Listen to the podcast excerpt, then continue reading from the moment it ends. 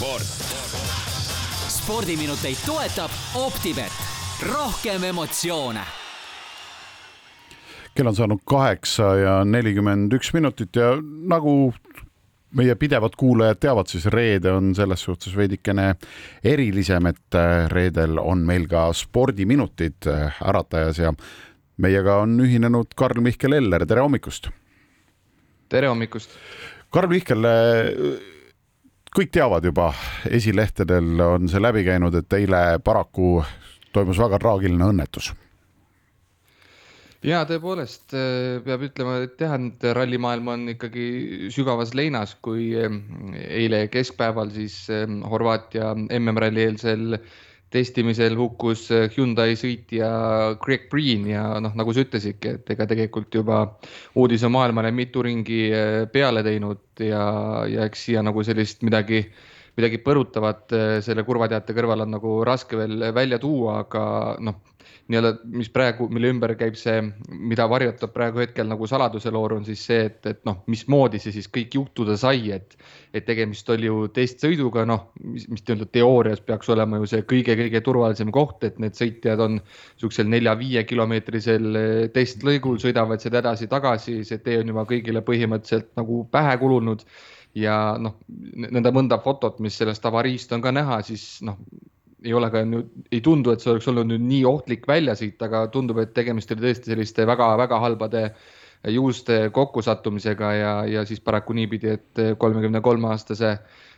Priini elutee siin lõppes ja see taaskord nii-öelda tõestab meile seda, et et rallisport ja, ja auto ja motosport üleüldiselt ikkagi on äh, väga ohtlik spordiala ka, ka nüüd siin aastal kaks tuhat kakskümmend kolm. kui, kuna sa tead natukene neid äh, telgitaguseid äh, meist kindlasti rohkem, et siis kas sa oskad ka veidi kommenteerida seda, et kui, mida näiteks Hyundai motosport nüüd muudab näiteks järgmise ralliga seoses, mida nad teevad teisiti, kas nad leiavad kohe asendaja ka Priinile? No vot, need ongi need ütleme võistluslikud või sportlikud küsimused, mis kindlasti tekivad siin, et juba sisuliselt täpselt nädala pärast Horvaatia MM-ralli juba täie hooga käimas on, MM-sarja neljas etapp ja Priin pidi seal olema üks kolmest Hyundai sõitjast rajal. No meeskond eile avaldaski selle teate, kus ta siis teatas ametlikult Priini hukkumisest ja ütles, et praegu rohkem kommentaare ei jagata, eks selge, et noh, kõigepealt tegemist on väga suure šokiga kõigi jaoks. Ja eks noh, ole nüüd näha, kas meeskond siis toob kiirega, kiiruga mõne asendussõitja, mis noh, tehniliselt reglemendile viidates on muidugi ka keeruline, noh, kas seda üldse tahetakse teha, võib-olla pigem jäetakse just nii-öelda see auto tühjana sinna Priini, Priini mälestuseks, et eks seda ole näha ja ja no kui laiemalt mõtta, et siis mis üldse edasi saab, et noh, ega põhimõtteliselt ei saa ka välistada, et, et, et see Horvaatia MM-ralli noh, mingisugusel moel noh, kas nüüd ära jääb, see on, on, on raske arvata aga no meenutagem ka seda fakti, et noh, Priin oli selline rallimees, kes tegelikult ikkagi noh, kelle karjäär käis ka selles mõttes üles-alla kokku üheksa MM-ralli poodiumi kohta, võitu ta karjääri jooksul ei saanudki. aga just nimelt see viimane veebruarikuine start Rootsi MM-rallil oli Ott Tänaku järel teine ja tõestas, et ta ikkagi on pärast seda ühte kehva aastat Fordi roolis mullu on ikkagi heas vormis ja, ja võitleb poodiumikohtade eest. ja tegelikult on tal, oli elu jooksul ka üksteist aastat tagasi väga traagiline seik, kus ta kaotas ralliõnnetuses oma kaardilugeja elu Garrett Robertsi nimelt oli Priin ise siis alles kahekümne kahe aastane ja juba toona oli ta karjääri nagu teelahkmel, et kas jätkata või, või selle traagilise sündmuse tagajärjel üldse sõitmine lõpetada. ja lõpuks siis selle hukkunud kaardilugeja perekond andis talle loa ja toetab teda ja toetas teda karjääri jätkamisel, aga sa Priin ise oma elu jooksul pidevalt toonitas, et tema jätkab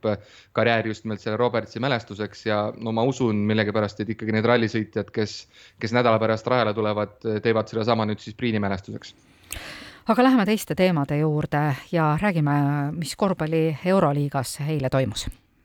Ja no korvpalli Euroliiga on jõudnud väga-väga oluliste mängudeni ja, ja eeskätt just äh, Eesti ja Eesti mängijaid silmas pidades, Eesti klubi Euroliigas ei ole, aga on kaks no peaaegu on ju, peaaegu on. peaaegu on, Baltikumi klubis Hispaania Baskonia on, et seal on päris mitu leedukat ka, aga Maik-Kalev Kotsar ja Sander Raieste ja nende Baskonia Äh, eile pidas siis viimase põhiturniiri mängu, kahjuks selle kaotas seitsekümmend kaheksa, kaheksakümmend kuus, aga ikkagi seda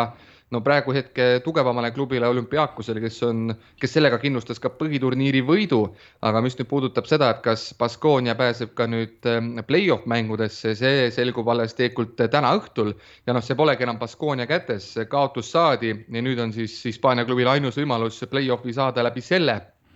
teine eestlaste lemmikklubi Kaunaši Žalgiris peaks täna siis Müncheni Bayernile kaotama, sest et hetkel on Žalgiris siis kaheksandal kohal, mis on see viimane, mis viib play-off'i ja, ja Baskonia üheksas. Ja kui Žalgiris saaksid kaotusi, siis tõuseks Baskonia neist mööda, nii et eh, täna kindlasti Eesti korvpallihuviliste pilgud olid eile suunatud Hispaaniasse, nüüd see on suunatud sinna, kus mängivad Žalgiris ja Bayern. Ja, ja eks siis hoitakse emmale-kummale pöial, sest et eestlased kindlasti on, on mõlema klubi poolehoidjad, et keeruliseks läheb. ja muidugi vist Žalgirisel on natukene natukene lihtsam ülesanne, et nad ei pea põhiturniiri võitjaga nii-öelda vastakuti minema just, sul on täiesti õigus ja, aga noh, jällegi vana, vana kulunud väljend, et pall on ümmargune, et kõike võib juhtuda, aga jah, Bayernil jällegi paraku jah, hooajal enam midagi päästa ei ole, nii et, et see võib mingisuguse ja kindlasti annabki väikse eelise Žalgirisele aga.... kas Eesti meistrivõistlustel on ka pall ümmargune või on teise kujuga? ikka on ümmargune, aga jah, Eesti meistrivõistlused äh, on nüüd ka play-off idega alustanud. Äh, kokku siis äh, no kohe veerandfinaalidega seal pihta hakatakse ja esimesed mängud on ka juba toimunud. väga põnev oli neist eile toimunud Rapla ja Pärnu vaheline kohtumine, mis lõppes alles lisaajal ja kui Pärnu poolel juhtis mängu peaaegu kahekümne punktiga, siis lõpuks võttis hoopis kahepunktilise võidu Rapla üheksakümmend viis, kaheksakümmend kolm seal täismaja publiku ees kohalikus spordihallis ja teised veerandfinaalpaarid on meil Viimsi ja TalTech, seal esimese mängu võitis eh, Viimsi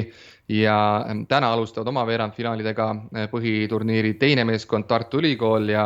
ja Keila, kes oli põhiturniiri seitsmes. Ja siis nädalavahetusel lähevad vastamisi ka no ikkagi suur favoriit pärast seda eelmise nädala kaotusmänge. BC Kalev Cramo, kes läheb vastamisi tabeli viimase asetuse ja nimekaimu Tallinna Kalev Audentesega, nii et korvpalli meistrivõistlused jõuavad ka peagi ikkagi nende kõige otsustavate mängudeni ja loodame ikka, et seal ka mõni selline üllatustulemus tuleb. Eesti tennise naiskond on äh, näidanud ennast väga heast küljest ja võtnud järjest võite. Äh, neil siis silme ees terendab pääs äh, kõrgemasse divisjoni naiskondlikult ja täpselt nii on, endise nimega Fed Cup, nüüd siis Billie Jean King Cup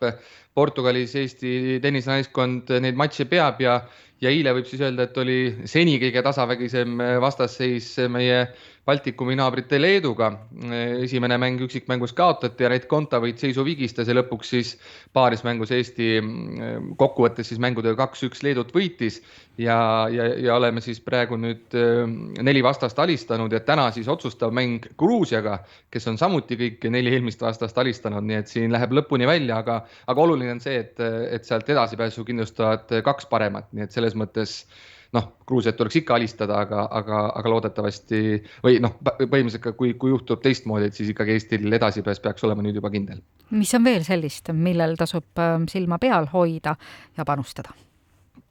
just nimelt äh, OpTibeti koefitsientidest rääkides, siis korvpallist tegime juttu, aga läheme teispoole suurt lompi ka. NBA-s on äh, põhihooaeg lõppenud ja nüüd seal on käimas selline formaat, mis viimased aastad on toimunud, nõndanimetatud play-in mängud kus siis eh, nii-öelda konverentsides sinna piiri peale jäänud klubid kohtadel seitse kuni kümme omavahel madistavad, et, et pääseda siis eh, kaheksa paremat sekka ehk play-off'i. Ja eeloleval ööl on ühes otsustavas mängus vastamisi Oklahoma City Thunder ja Minnesota Timberwolves. Ja seal on siis Thunderi koefitsient OpTibeti keskkonnas kaks koma seitsekümmend kaheksa, Timberwolvesil üks koma nelikümmend neli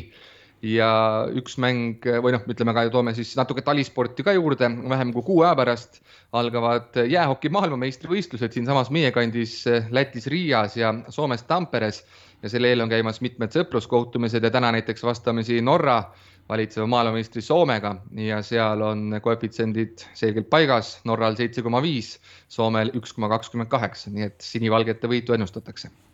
selge pilt äh, teisipäeval spordijuttudega taas äh, Kuku raadios. aitäh täna hommikul meiega rääkimast, äh, Karl-Mihkel Eller. sport. spordiminuteid toetab Optibet, rohkem emotsioone